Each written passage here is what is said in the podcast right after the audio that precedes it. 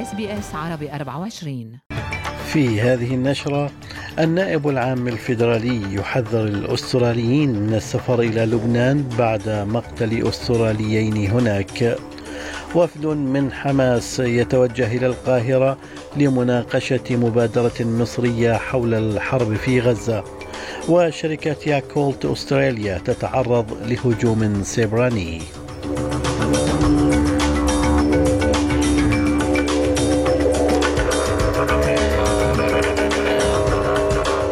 سليم الفهد يحييكم وعليكم التفاصيل. حذر النائب العام الفيدرالي مارك درايفس جميع الأستراليين من أن التحذيرات الرسمية لا تزال قائمة إزاء السفر إلى لبنان. يأتي ذلك بعد أن فقد شقيقان أستراليان وهما إبراهيم وعلي بزي حياتهما إثر سفرهما إلى جنوب لبنان وبعد هجوم إسرائيلي في المنطقة. كما قتلت في الهجوم زوجة إبراهيم بزي شروق حمود وقال المدعي العام إن أستراليا تقف بحزم ضد فقدان أرواح المدنيين In the context of the current conflict, Australia has consistently called for civilian lives to be protected and we have consistently raised our concerns about the risk of this conflict spreading. It is why we have been working with countries who have influence in the region to prevent further escalation, and it is why we have been advising Australians not to travel to Lebanon. هذا وأقيمت مراسم تأبينية للثلاثة أمس واليوم في مسجد الزهراء في سيدني قال مفوض الأمم المتحدة السامي لحقوق الإنسان فولكر تيرك إن الوضع يتدهور بسرعة في الضفة الغربية وتحدث عن ارتفاع في هجمات المستوطنين وحالات العنف التي تمارسها قوات الأمن الإسرائيلية ضد الفلسطينيين وأورد ترك تفصيلا لما يحصل في الضفة الغربية. From 7 October to 27 December this year, 300 Palestinians, including 77 children, have been killed in the occupied West Bank.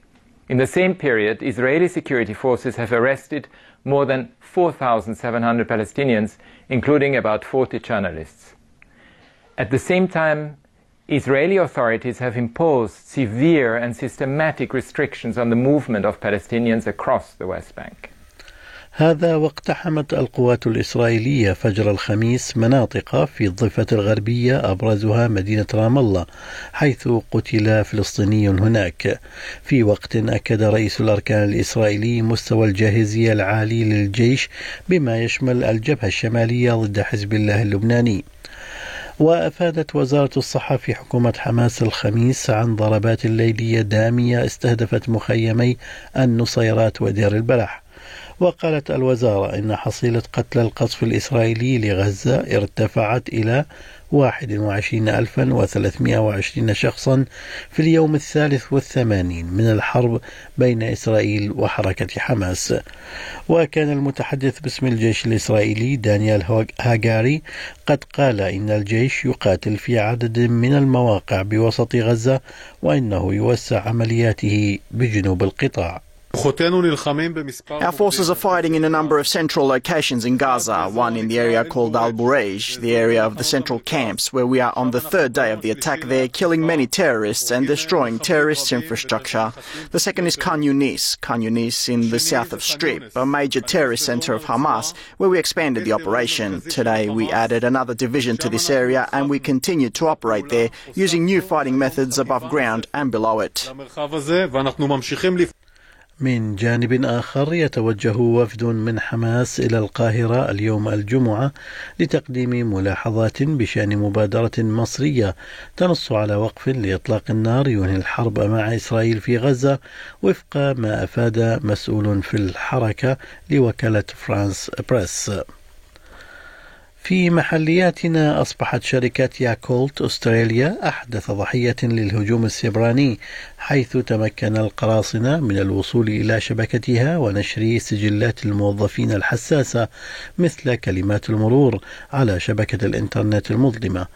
وأصدرت الشركة بيانا على موقعها الإلكتروني أكدت فيه أن أنظمة تكنولوجيا المعلومات الأسترالية والنيوزيلندية الخاصة بها قد وقعت ضحية للهجوم ومضت الشركة قائلة إنها تعمل حاليا مع خبراء الأمن السبراني للتحقيق في مدى الضرر وعدد سجلاتها التي سرقت في هذا الهجوم.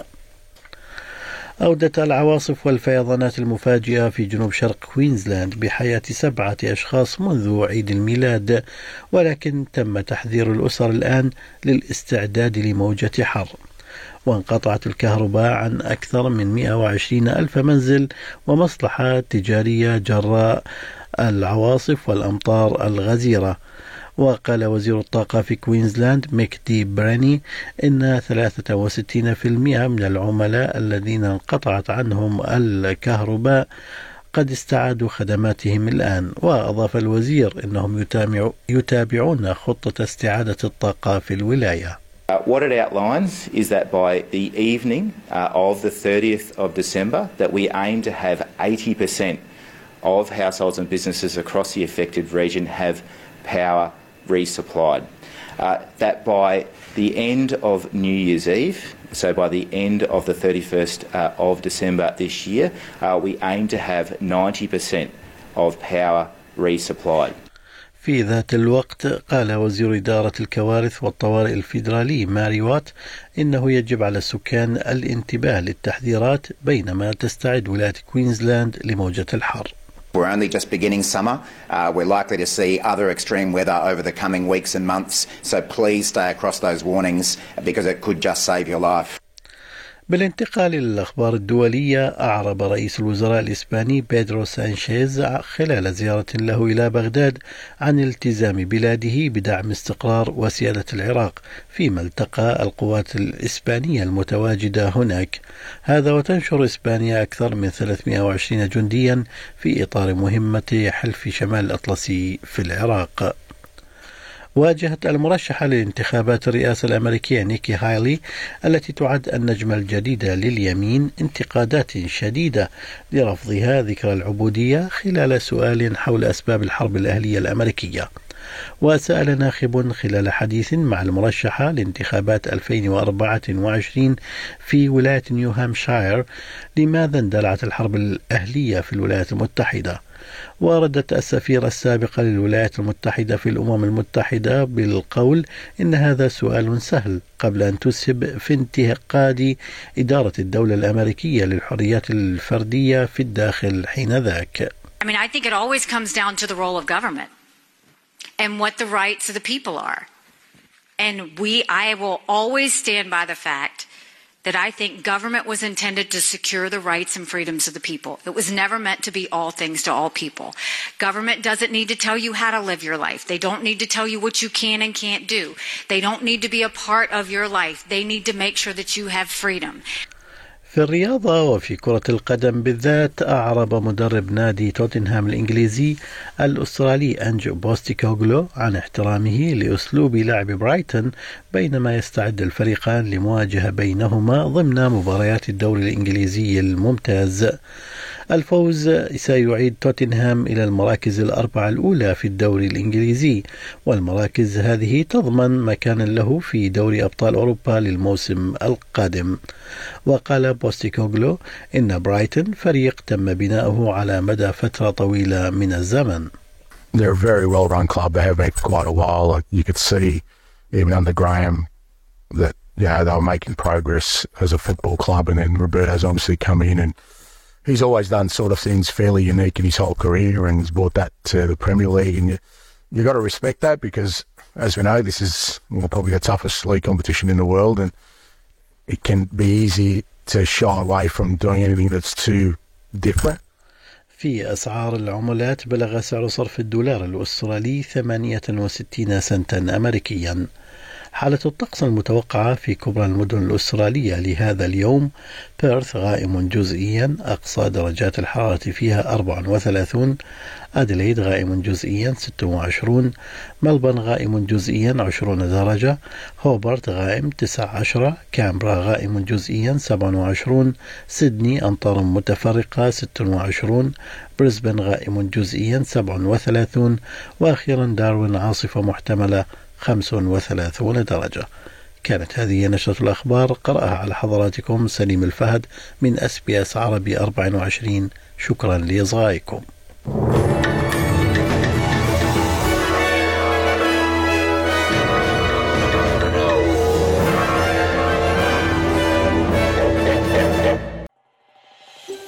هل تريدون الاستماع إلى المزيد من هذه القصص؟